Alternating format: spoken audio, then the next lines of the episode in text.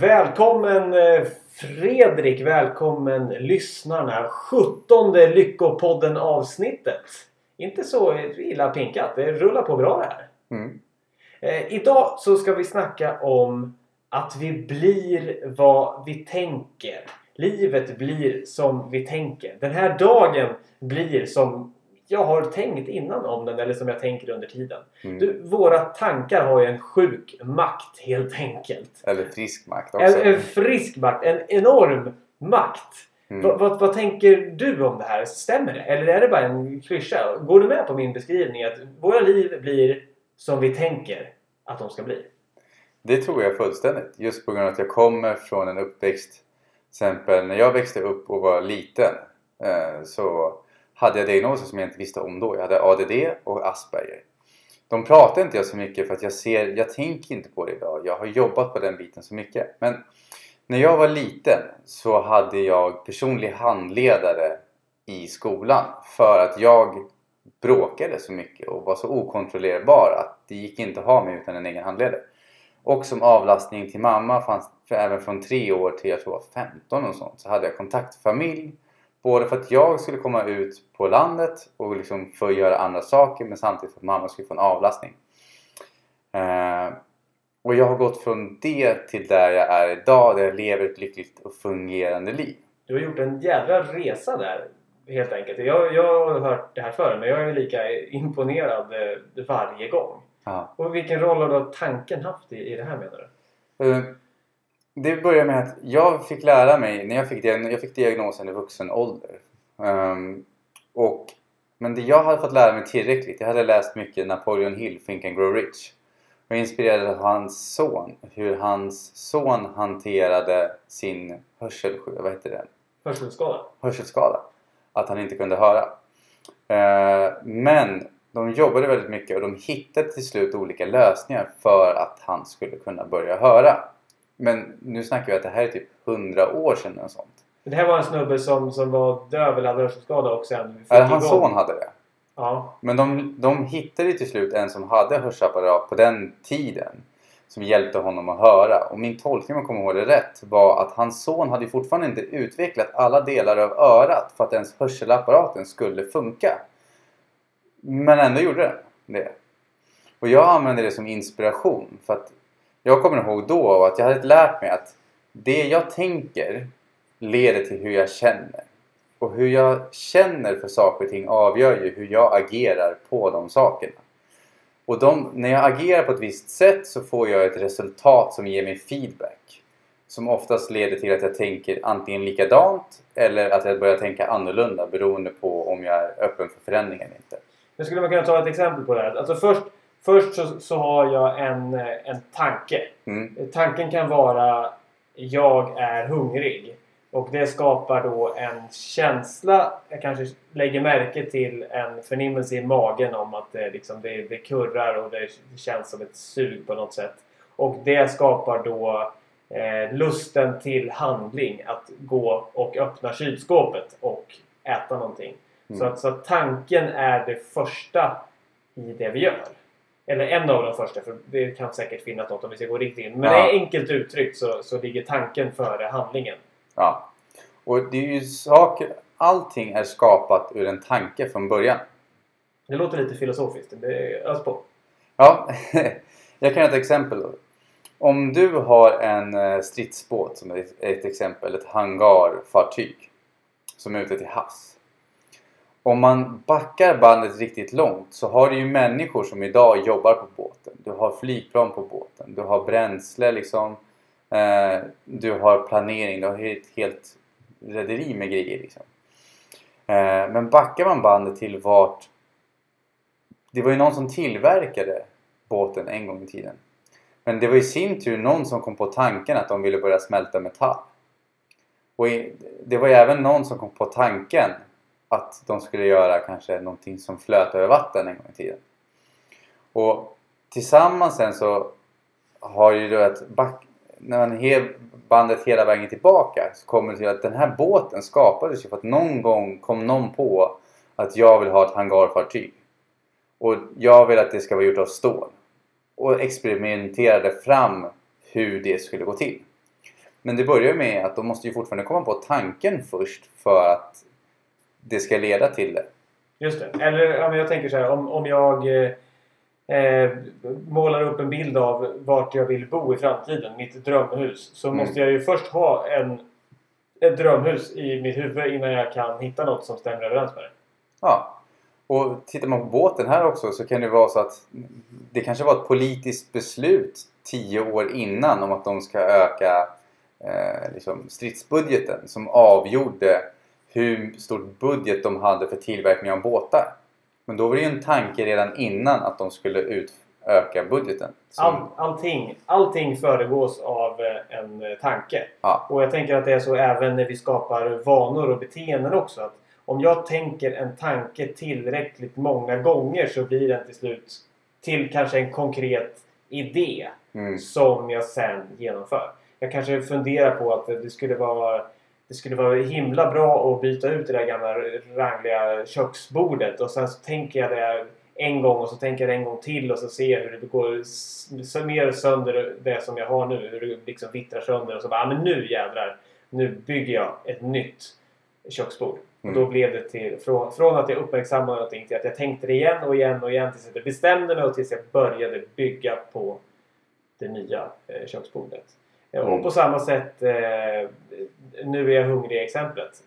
Om, om jag idag när jag är lite hungrig eh, går till kylskåpet och tar en chokladbit istället för, en, eh, för att koka ett ägg. Och sen så gör jag det imorgon också för att det var gott att göra det första gången. Och så gör jag det andra gången och så är det lika gott tredje gången.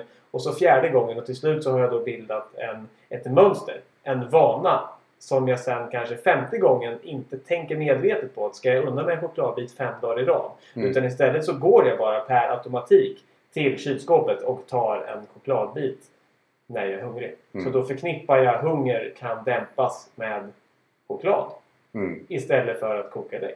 Eller om det känsla att äta. Och där kan jag tänka att vi har ju olika kanske naturliga saker som dyker upp som triggar tankar hos oss också. Det kan vara att du behöver gå på toa eller att du är hungrig eller gör sådana saker. Men vi kan ju många gånger med våra tankar avgöra vad det är vi stoppar i munnen. Mm, hur menar du då? Ja, precis som du gick igenom med choklad där. Att det kan, vi känner att vi är hungriga och då tänker vi att jag vill ha någonting att äta.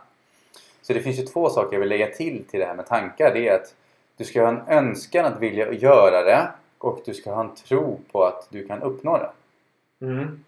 För att om någon säger åt dig att ja men eh, ja, Viktor jag tycker att du ska springa maraton. Men du inte har lust att göra det.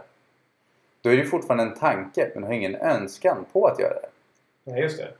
Då är, då är risken stor att jag inte kommer göra det. Eller, Ja precis, då kanske det till och med blir så här. "Ah, Ska jag springa maraton? Då kan vi göra det själv liksom. ja. Eller ännu värre, om jag har väldigt stort förtroende för dig och är van vid att inte ta mina egna beslut. Då kanske jag eh, skriver upp mig på att skriva, springa maraton ändå. Och sen tvingar mig själv till att göra det. Ja, Just det vore väl inte så himla sannolikt kanske att eh, någon skulle tvinga mig till att springa maraton. Men jag tänker faktiskt. Är det, inte, det här är nog ganska vanligt att vi gör i andra sammanhang. Att vi eh, när vi är yngre kanske gör som våra föräldrar säger. Eller att vi på jobbet gör som chefen säger även om vi egentligen inte håller med. Och det kan också bli en vana att inte ha makt över, över vårt liv. Och då, då, då tänker vi att vi måste göra så för att den här personen som vi står under i hierarkin eller vad det nu kan vara mm. säger så. Och då kan den kanske omedvetna tanken, alltså vi kanske bara tar det för självklart att vi måste göra som vår chef säger. Då kan det smitta av sig och bli en vana som gör att vi glömmer bort att fråga oss själva, men vill jag det här? Inte Men- bara på jobbet. Men jag kan ta upp ett kul exempel just när vi pratar om det här. För att, eh, jag träffade på en tjej nyligen som eh, det var bara förra veckan som vi pratade lite grann. Och då tog hon upp att hon precis på jobbet, hennes chef, hon hade kommit med ett förslag till, som de skulle lämna till deras potentiella kunder. Liksom, på ett arbete som de vill göra tillsammans med kunderna. Och chefen hade tittat på förslaget och tänkt alltså vad är det? Alltså nej. Det där, det där kommer inte jag godkänna i alla fall. Och då hade hon tänkt att det är kul att du inte kommer godkänna. Men vet du vad jag gör? Jag kommer skicka det ändå. Så hon gjorde det. Och det roliga var att kunderna, de älskade det och köpte allt med hull och hår. Och då vart chefen i efterhand ja det var, det var bra liksom.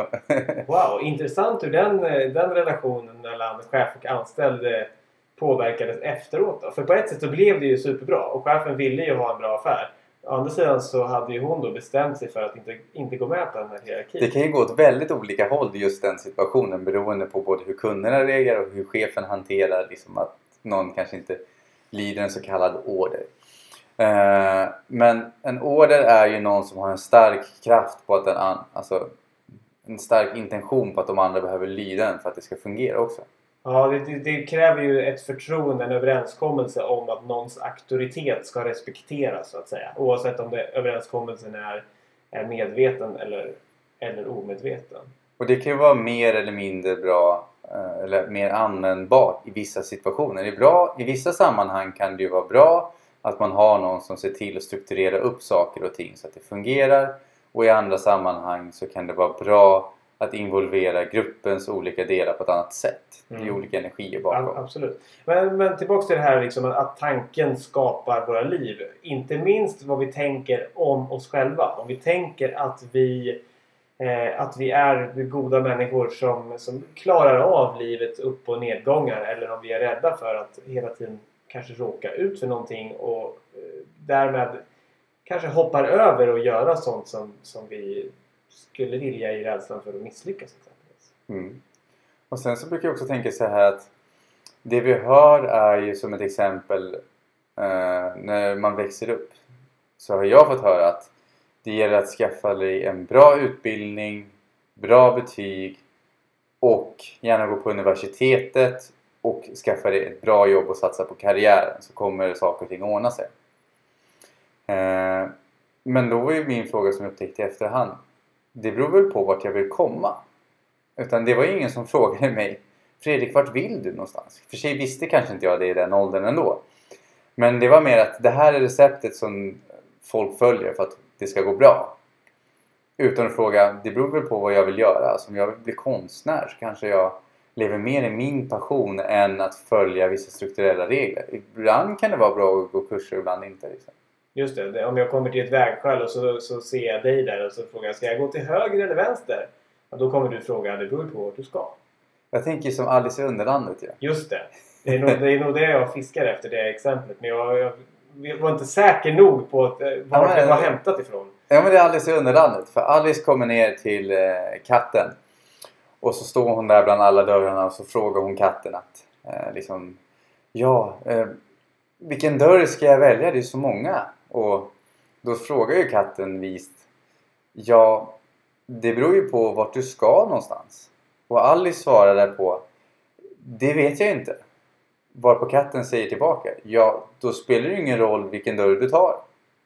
Precis. Och, och det är väl det här att, att tanken bestämmer, bestämmer då vart vi hamnar, enkelt uttryckt.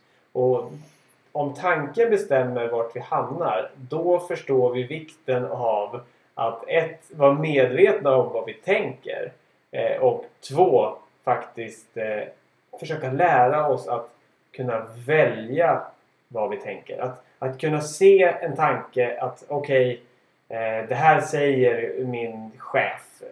Och komma på då att och, och jag köper det. Det betyder alltså att jag underordnar mig automatiskt att göra som den här personen säger.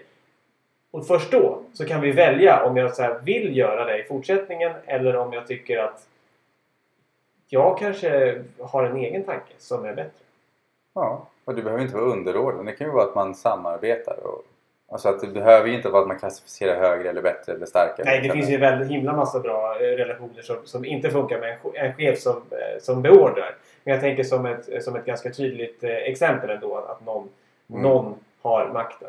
Mm, Eh, Men det kan, vara, det kan vara hur många olika eh, situationer som helst. mm, Men just att få syn på sin egen tanke för att kunna eh, välja att byta ut den mot en tanke som känns bättre. mm. Helt enkelt. Jag kan göra ett exempel som jag tar tillbaka här. När jag, när jag fick diagnosen. Jag hade ju studerat mycket om mig själv och försökt hitta vad var det som inte funkade i mitt liv. ADHD och, och Asperger. Ja, nej, ADD. ADD, förlåt. Skillnaden är att ADHD, det är, H står för hyperaktiv. Okay. Mig syns det inte lika mycket utåt eh, den hyperaktiviteten utan det är mer inne i huvudet som det är. Ehm, men det jag gjorde då, jag hade lärt mig tillräckligt om det. Jag hittade på den tiden, jag har ingen inspiration på det sättet, i någon som hade använt sin Asperger till en särbegåvning eh, på det sättet. Utan det var mer så här klarar du av att leva ett liv med Asperger som typ, alltså så att du klarar dagen men att det är mer att folk ska förstå vilka problem du har. Så här överlever du med Asperger utan att få ett uselt liv. Ja, ungefär. Och Du ville ha något mer? du måste förstå att du är annorlunda. Liksom. Ehm, och då tänker jag på självklart det är jättekul att man kan ha det som en särbegåvning. Man kan se sig själv som annorlunda. Det, vi är alla annorlunda på vårt sätt. Men jag hade vissa delar av det sättet som jag levde på som jag inte var nöjd med. Men jag hade lärt mig tillräckligt om det här med vad vi fokuserar på. Om vi håller en idé tillräckligt stark i huvudet tillräckligt länge så kommer den med tiden börja bli verklighet. Om vi såklart agerar på de idéer vi får i linje med den. Så det jag gjorde med diagnosen, jag satt och läste på om alla symptomen, satt och grät över hur hemskt mitt liv var, hur dålig jag var som person. Det var så jag kände. Och sen så strök, vad heter det, skrev jag om alla grejerna. Att, ja, men du vet, jag är dålig på att passa tider till att jag är bra på att passa tider. Till att jag är dålig på social kommunikation till att jag är bra på social kommunikation. Jag är dålig på att planera till att jag är bra på att planera. Och sen så gjorde, strök jag allting på det dåliga symptomen och gjorde mig av med det. Mm. Det så- låter ju enkelt. Vadå gjorde du med av med? Ja, men jag slängde det. Och så fokuserade jag min energi istället på hur kan jag förbättra alla de här egenskaperna. Alltså symboliskt liksom så gjorde du det här som, som ett arbete. Att, att du skrev upp det negativa som, som talades om för dig. Att Ja, Jag skrev ju ut symptomen som du får från liksom... Just det. Och, men sen så skrev du en motbilden Ja, som var positiv. Och sen så, så eh, strök du över det där tydligt. Och slängde. fokuser- och slängde det. ja. Eh, och för att fokusera på det som, som är bra istället. Och hur jag kunde förbättra de förmågorna. Eh, sen så var det ju inte så att jag vaknade dagen efter och bara Oho, det är alltid över och nu är det halleluja, prisa Herren. det, det var ju inte så. Jag har haft väldigt många utmaningar på vägen för att växa i alla de områdena. Men det har ju fortfarande gått. Ungefär hur länge sedan var det här? Vad kan det här vara? Det här måste vara fyra, fyra fem år sedan nu. Ja. Så det som, som skiljer dig eh, idag från, från tidigare när du sa att du, du hade assistent i skolan. Du berättade tidigare att du hade liksom, typ var aggressiv. Mm. Eh, Och, och idag när du sitter och, och gör en podd som massa människor eh, lyssnar på om hur vi kan jobba med oss själva och bli lyckliga. Och jag känner dig verkligen som en, en person full av energi. Den stora skillnaden är hur du tänker om dig själv. Håller du med om det? Ja, Så det är den stora förvandlingen. Du är, du är, har, är det levande beviset på det. och hur jag tänker på flera plan. För att jag har jobbat så mycket på de principerna att det har lagrats i mitt undermedvetna. Jag jämför det med att cykla. För att vissa människor, ja, ibland när jag brukar berätta om det så brukar vissa människor säga men är det inte konstgjort? Blir det inte lite robotaktigt att hålla på att lära sig manuellt? Det är en respons som jag fått och då brukar jag jämföra med att Inte att cykla då, utan att, att är det Ja. lite konstigt att skriva de här sakerna. Och, och hålla på och försöka förbättra sig själv och allting. Kan man inte bara få vara sig själv? Just det. Eh, Men då var det att, ja, fast jag tyckte ju inte om de delarna av mig själv. Då, det, är väl inte, det är väl ganska lite konstgjort att förbättra de områdena som är på ett visst sätt som jag inte är nöjd med. Det kan väl vara mer konstgjort om man går och lever ett liv man inte vill leva och har beteenden man inte tycker om utan att göra någonting åt det. Ja, det låter som ett, eh, ett osant liv. Ja, det är nästan mer konstlat. Alltså jag ser det är inget fel på det. Det finns ju de människorna som vill leva på det sättet och det är helt okej för mig. Det är helt upp till dem om de tycker om det. Eh, Men hur ser du själv på det här? Med tanken och hur den bollar. Hur har du använt det i ditt liv? Jo, men jag har verkligen eh, fått syn på, på tankens eh, kraft. Eh, jag, har- jag har jobbat med och, och också faktiskt eh, försöka förstärka det som, det som redan är bra. Jag har pratat om det tidigare att ett av mina bästa enklaste råd är att skriva tacksamhetslistor exempelvis. Mm. Eh, för min egen del så har jag fått god självkänsla för att jag har sysslat med sånt som, som jag tycker om att göra. Och sånt som jag tycker om att göra har jag också eh, fått bra resultat. Men då inte som... Målet har inte varit att nu ska jag göra det här för att bli så duktig. Målet var inte att spela hockey för att bli så himla bra utan för att det var kul och då, då blev jag duktig när jag höll på med det. Det slutade jag med när jag var 18. Jag var inget så superproffs men ändå hyfsad. Eh, och skrivandet eh, som jag höll på med som gjorde mig till, till journalist när jag fick de jobben jag ville ha och sådär. Det var också för att jag tyckte att, eh, att det var så, så roligt. Så att min väg har väl var, varit att följa följa inspirationen kan man säga. Och anledningen då till att, att det har fungerat och att mitt själv, min självkänsla har, har byggts upp av det är att jag då har märkt att jag klarar av saker. Jag klarar av sånt som jag har lust med och jag vågar gå min väg och säga ja till det som jag gillar. Och jag vågar också säga nej till det jag inte gillar för att få, få tid och utrymme för, för sånt som, som känns som, som jag. Mm. Eh, så att det har ju byggt upp en tro på mig själv. En tro att jag klarar av saker. Och den tron kan jag hela tiden använda. Ju mer, ju mer jag har gjort saker som, som har fungerat och som har varit roligt desto mer vågar jag även se i framtiden att okej, okay, det här området har jag aldrig varit inne på. Men eftersom eh, som jag är en person som fixar grejer jag har lust att fixa så gör jag det. Mm. Eh, Alltså en, en successiv eh, uppbyggnad av självkänsla och självförtroende. Eh, och idag så förstår jag att om jag lyckas med någonting så handlar inte det så himla mycket om att jag har byggt upp hantverket att skriva utan kanske mer att jag, jag vet att jag eh, kan lära mig. Mm. Så det är också den här, eh, den här vanan av att göra saker. Mm. Och där har vi också, vi har ju fallenheter för saker. Jag jämför med, jag har ju en fallenhet för tekni, tekniska saker. Eh, och det har ju underlättat för mig. Men där har jag märkt att jag har ju en, jag har ju en, en typ av bild på lösning när jag arbetar med tekniska saker som gör att du kan i stort sett placera det mesta i min hand som jag inte hållit på med tidigare. Jag kommer fortfarande se till att få det att funka. Och då brukar ju vissa människor säga liksom att oh, du är så duktig, liksom, du, jag förstår inte hur du fixar det här.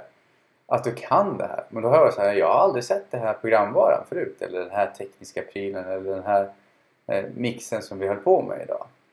Men på grund av att jag har en bild av mig själv att jag tycker det är lätt och kul att hitta och liksom pilla, alltså, pilla på saker och ting för att få dem att funka. Då blir det ju lättare för mig eftersom jag har en bild av att jag är nyfiken på hur, om jag skruvar på den här, vad händer då? Om jag vrider på den här, vad händer då? Eh, för att få saker och ting funka. Just det. Eh, jag tänker på ett exempel. Jag hörde att eh, en, en undersökning där människor fick eh, uppskatta eller tala om, kryssa i vad de, vad de är rädda för. Och på den listan så, så visade det sig att fler kryssade i att de var, var rädda för att prata inför andra människor än vad de var rädda för döden. Mm. Och det tycker jag är en intressant sak. För de flesta människorna, gissar jag nu här, som har skrivit i att de är rädda för att prata inför andra, inför st större grupper exempelvis, eh, egentligen inte är rädda för att prata. Att, att de i små sammanhang eller när de är bekväma inte har något med att prata för att de kan ju prata helt enkelt. Mm. Men då har man en tanke om att om jag ställer 20 människor framför mig då kan jag inte längre prata. Då kommer jag säga fel eller då räcker inte min kapacitet till eller varför ska de vilja lyssna på mig? Och egentligen så är det ju bara tankarna som, som skiljer det här att okej, okay, imorgon så ska jag prata med min vän. Det gör mig inte nervös. Imorgon ska jag prata inför 20 personer. Då har jag en tanke om att det här är svårt. Det här är läskigt.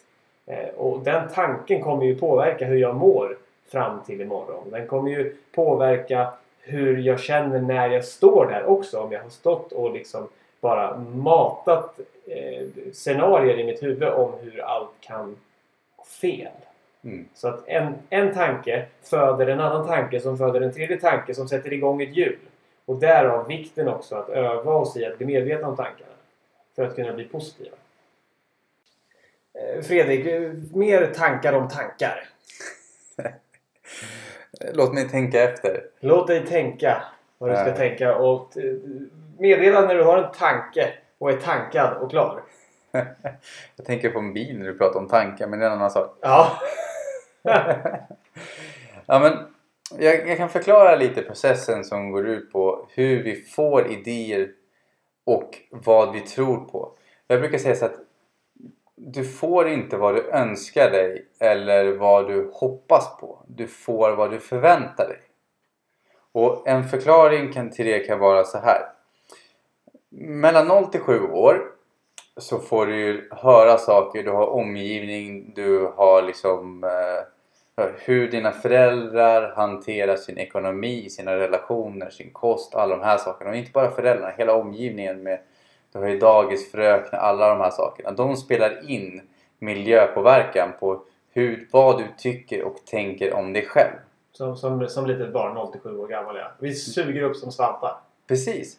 Och där kan vi ha ett exempel. Jag har ju träffat på vissa föräldrar som där deras barn kanske tar lite tid på sig de, att ta kontakt. Och då får man höra från barnen, vad heter det, inte barnen, från föräldrarna och säger Ja, han är ju så blyg i sociala sammanhang. Och så har jag märkt ibland att vissa av de här föräldrarna upprepar ju det varenda gång de är i ett socialt sammanhang. Så nästan är det som att de vill försvara det och börja inleda med det.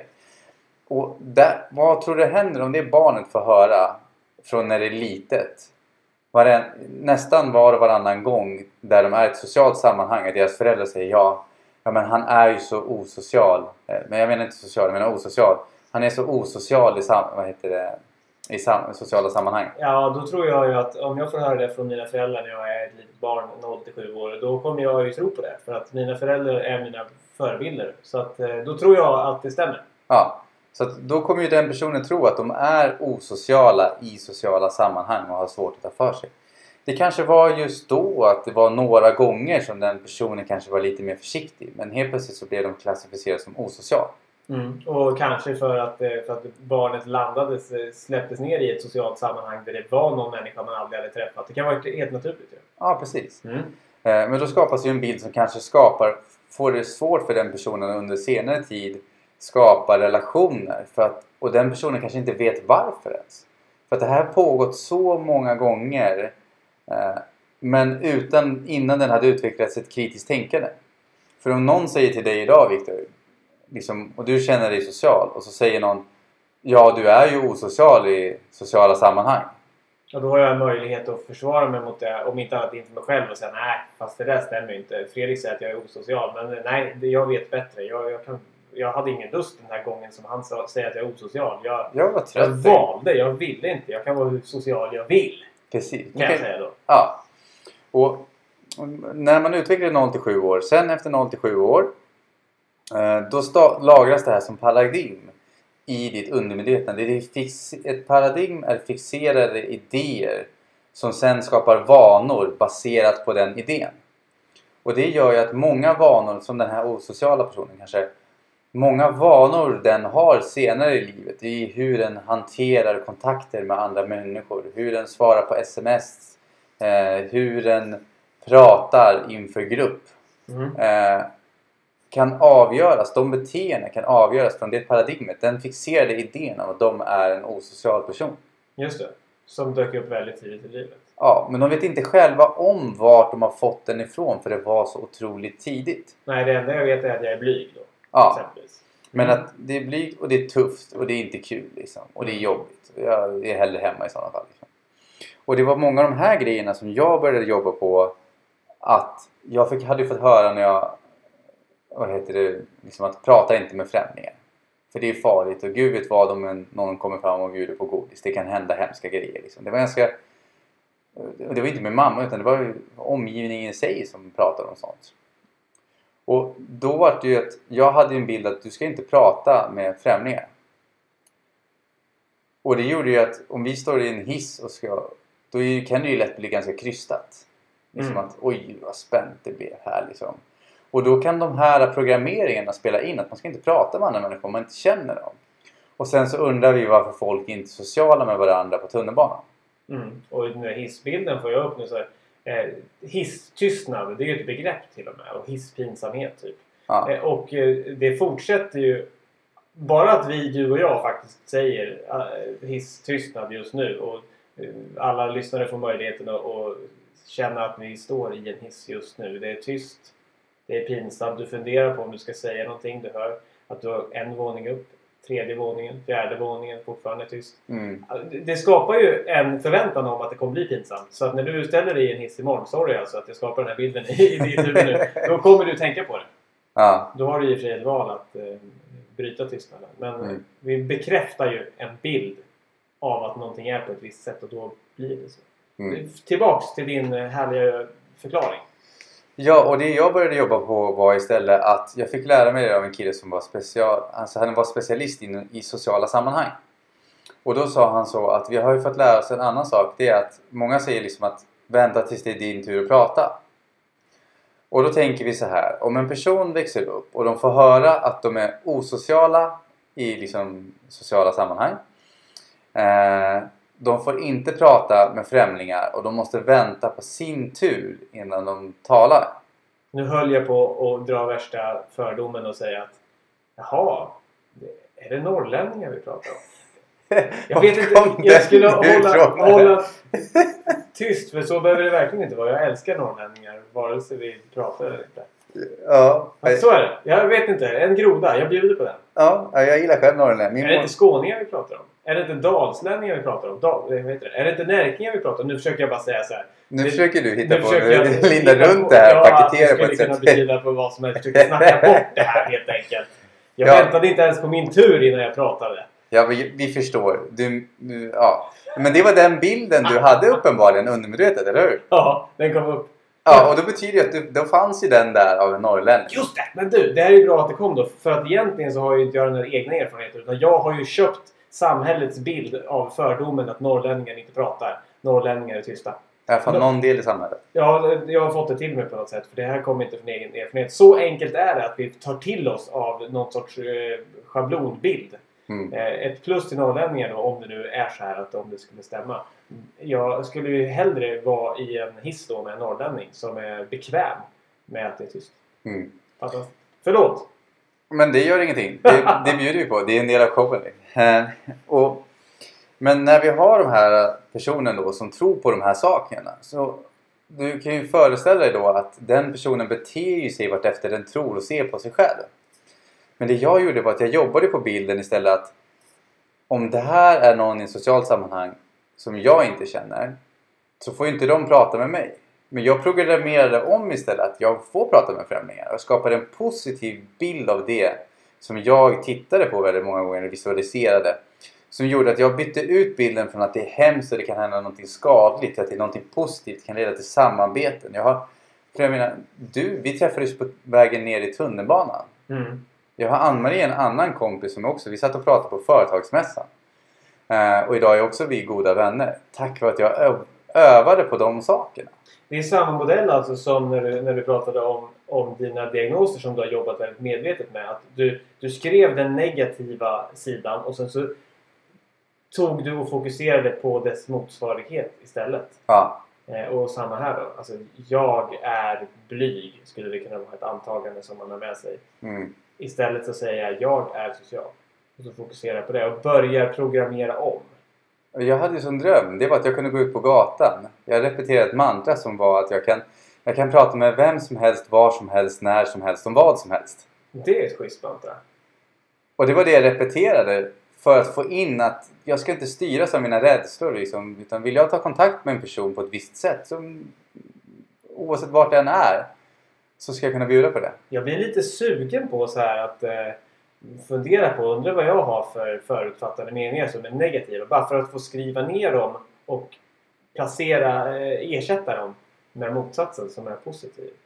Och här, och här kan vi ta saker som att det här har ju inte bara med... Nu tar jag ganska grova exempel som jag jobbade på. För att jag, jag skrev ju ner att en del av Asperger är att man kanske inte är så bra på social kommunikation. Jag skrev ju ner att jag ska vara mästare. Jag skulle ju vara motsatsen, vilket är ju mästare. Och därför blev det ju att jag tog det till de mer extrema nivåerna. Om man nu vill tycka att det är en extrem nivå. Jag tycker det är jättekul i efterhand.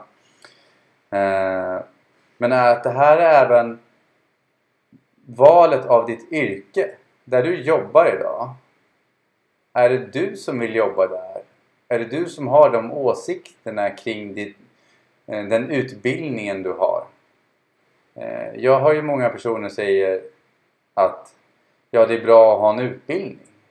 Och är det någon som inte har en utbildning så är många, inte alla såklart, snabba att fylla på. Ja, du, du borde ju gå... Alltså, ja, jobbar du där? Ja, men det kan man inte göra. Du kanske borde plugga någonting. Istället för att fråga, ja, fast vill den personen plugga? Vad, vad är poängen med att plugga? Men då har ju vi byggt upp en bild någonstans att om du inte vet vad du ska göra eh, då är det bra att plugga. Just det. Ja, men det är intressant här för att det här som vi säger att man tänker en tanke tillräckligt många gånger eh, och, och sen blir det en, en vana och ett beteende. Man skulle ju kunna göra så med vilken del som helst av ens liv. Så här, varför jobbar jag där jag gör nu? Varför röstar jag på det politiska partiet som jag röstar på just nu? Mm. Varför äter jag det här till frukost? Och så börjar jag tänka så här, okej, okay, vart började den här tanken som ledde mig hit? Eller vad är det för grundantagande som ligger bakom att jag äter havregrynsgröt? Ja, men det är, det är för att det är nyttigt. Okej, okay, vem har sagt att havregrynsgröt är nyttigt? Hmm. Ja, det kanske, det kanske ser nyttigt ut på på förpackningen. Eller jag såg Kellogg's Frosties-reklamer när jag var liten och därför får jag för mig att flingor är, är nyttiga och då borde mm. ha Alltså att, att allting har börjat någonstans. Mm. Och det kanske visar sig att havregrynsgröt är kanon och så fortsätter vi med det. Men då vet vi åtminstone varför. Och här brukar jag rekommendera människor, för det som dyker upp hos vissa är då att Men gud, ska jag gå och tänka på allt jag tänker? Det, det, det kommer bli galen. Och det skulle det förmodligen bli för att en genomsnittlig person tänker 65 000 tankar per dag. Wow. Ja. Och jag, jag, har ingen aning hur de gjorde den studien och hur de kom fram till det. Men det, ja, det låter bra i alla fall. De har tänkt ut det på något sätt. Ja. Och det, vi tänker samma tankar 95% av tiden. Oj, alltså upprepade tankar. Repriser står för... Så imorgon när du vaknar så är det kanske bara 5% av tankarna som är nya. 95% är en repetition av gårdagens tankar. Wow. Som är fixerade i det undermedvetna. Just det, som är ett resultat av dagen innans tankar och dagen innan det och året innan det. Och, ja. och här kan man ju ha valmöjligheten att bryta mönster. Men då ska man inte sätta sig och liksom jobba på allt till en början. Det kan ju vara väldigt överväldigande. Utan då börjar man ju istället med kanske en eller två områden där man känner att man inte är nöjd med resultatet. Och för att konkretisera det hela så kan man jämföra med att hur vet jag vad jag tänker? Jo, Väldigt enkelt. Kolla på ditt resultat. Hur ser ditt liv ut? Hur ser dina relationer ut? Din ekonomi ut? Din lycka ut? Och är du nöjd med det resultatet? Om nej så tänker du tankar som inte är i linje med de sakerna du vill uppnå. Ja, men om vi säger att min ekonomi är dålig då. Ja. Då beror det på att jag har tankar om att jag eh, inte kan ha en bra ekonomi. Det finns flera aspekter av det hela. Eh, så jag försöker hålla det kort. Det kanske blir ett program i sig en annan gång. Ja, så kort du kan då. Eh, men det är att hur dina föräldrar hanterade ekonomi kan ju avgöra viktigt. Att till exempel involverade dina föräldrar dig i deras ekonomi och hur man sköter den? Eller var det någonting de skötte och så fick du veckopeng? Ja, just det. Ja, I mitt fall så, så fick jag väl veckopeng som jag sen kunde hantera och ja. lägga på hög som jag gjorde. Men där är också det att hur hanterade dina föräldrar sin ekonomi? Och hur involverade de dig i den? Ja, ah, inte särskilt mycket alls. Uh, och många gånger har jag märkt där att det är för att många föräldrar kanske själva inte är så bekväma med sin ekonomi. Så att de är inte riktigt heller alltid koll på alla delarna. Och då blir det lite obekvämt. Och då vet man inte... För att, okay, om jag jämför med så här, vi får inte lära oss grundekonomi i skolan. Vi får ju lära oss äpplen och päron men vi får inte lära oss avkastning och investeringar och sådana saker och sparränta. Utan det blir någonting okänt som många blir rädda för. Det andra kan vara att man fått höra saker kring människor som är rika när man växte upp. Det vill säga att man har fått en negativt programmerad målbild. Det ena är modellering, det vill säga att hur föräldrarna hanterat ekonomin eller omgivningen, de runt omkring en, avgör till stor del hur jag hanterar min ekonomi. För det är så jag fått lära mig hur man gör det. Mm. Sen har du ju målbilden. Det är ju också vad du har fått höra kring människor som har bra ekonomi. Just det, och då skulle det kunna vara så här att mina föräldrar, det här är ett fiktivt exempel nu. Mina föräldrar har jättedålig ekonomi och så är de bittra över det och sen så säger de att de där grannarna som bor i huset mitt emot, de ska minsann vara så märkvärdiga och hålla på att bygga ut och köpa nya bilar. Ja, han Då- köpte en ny Audi nu. Alltså, Exakt. Och då programmerar jag in en bild av att det är lite fult att, eh, att vara eh, rik och ha en, en schysst Audi. Liksom. Eller vad Mm. det nu kan vara för bil. Och jag som litet barn då, särskilt om jag är 0-7 år, då kommer jag suga in det här och tro på det mina föräldrar säger. Mm. Eh, Fram till den dag som jag eventuellt kommer på att jag, att jag inte håller med om det. När jag går över till eh, och smygleker med, med Audi-grannens barn och märker att det är en jätteschysst kille och de där föräldrarna är faktiskt eh, trevliga. Ja. Just det. Ja, men det är som exempel där hur man, eh, mina tankar om ekonomi som kan ha kommit redan från när jag var litet barn Mm. eh, påverkar hur min ekonomi blir känd. Och att det egentligen exemplet kan få tala för vilket område som helst eh, i livet. Det kanske blir, eh, kanske blir ett, eh, ett till program med liknande temat men eh, Ni får väl skicka in önskningar om ni vill ha mer inom det området. Ehm, Ja, eller om vilket område som helst. För det som ni tänker och gör handling av att eh, be oss prata om, det kan mycket väl bli ett, eh, ett program. Mm. Ska vi eh, runda av där helt enkelt och tacka för den här veckan. 17 Lyckopodden har eh, nått sin, sitt slut. Det har det. Och jag vill slå ett slag för att det går ju även att anlita oss i mental träning. Du kan gå in på lyckopodden.se och använda antingen våra e-post eller kontaktformulär för att komma i kontakt med oss. Och för att veta mer om vad vi erbjuder och hur vi kanske kan hjälpa dig se de mönster som du vill bearbeta. Exakt, ibland är det bra och schysst att få den där bollningen eh, utifrån. Jag går ju själv till någon som kan hjälpa mig för att jag vet ju att jag har ju vanor som jag har levt efter så länge att jag vet inte om att de kanske inte stödjer mig och det jag vill uppnå. Exakt. Tack eh, för att eh, du eh, lyssnade idag. Ha en härlig fortsättning på dagen, kvällen, natten eller morgonen eller när du nu valt att lyssna på det här programmet. Ja, tack så jättemycket! Tack! hej då, hej då!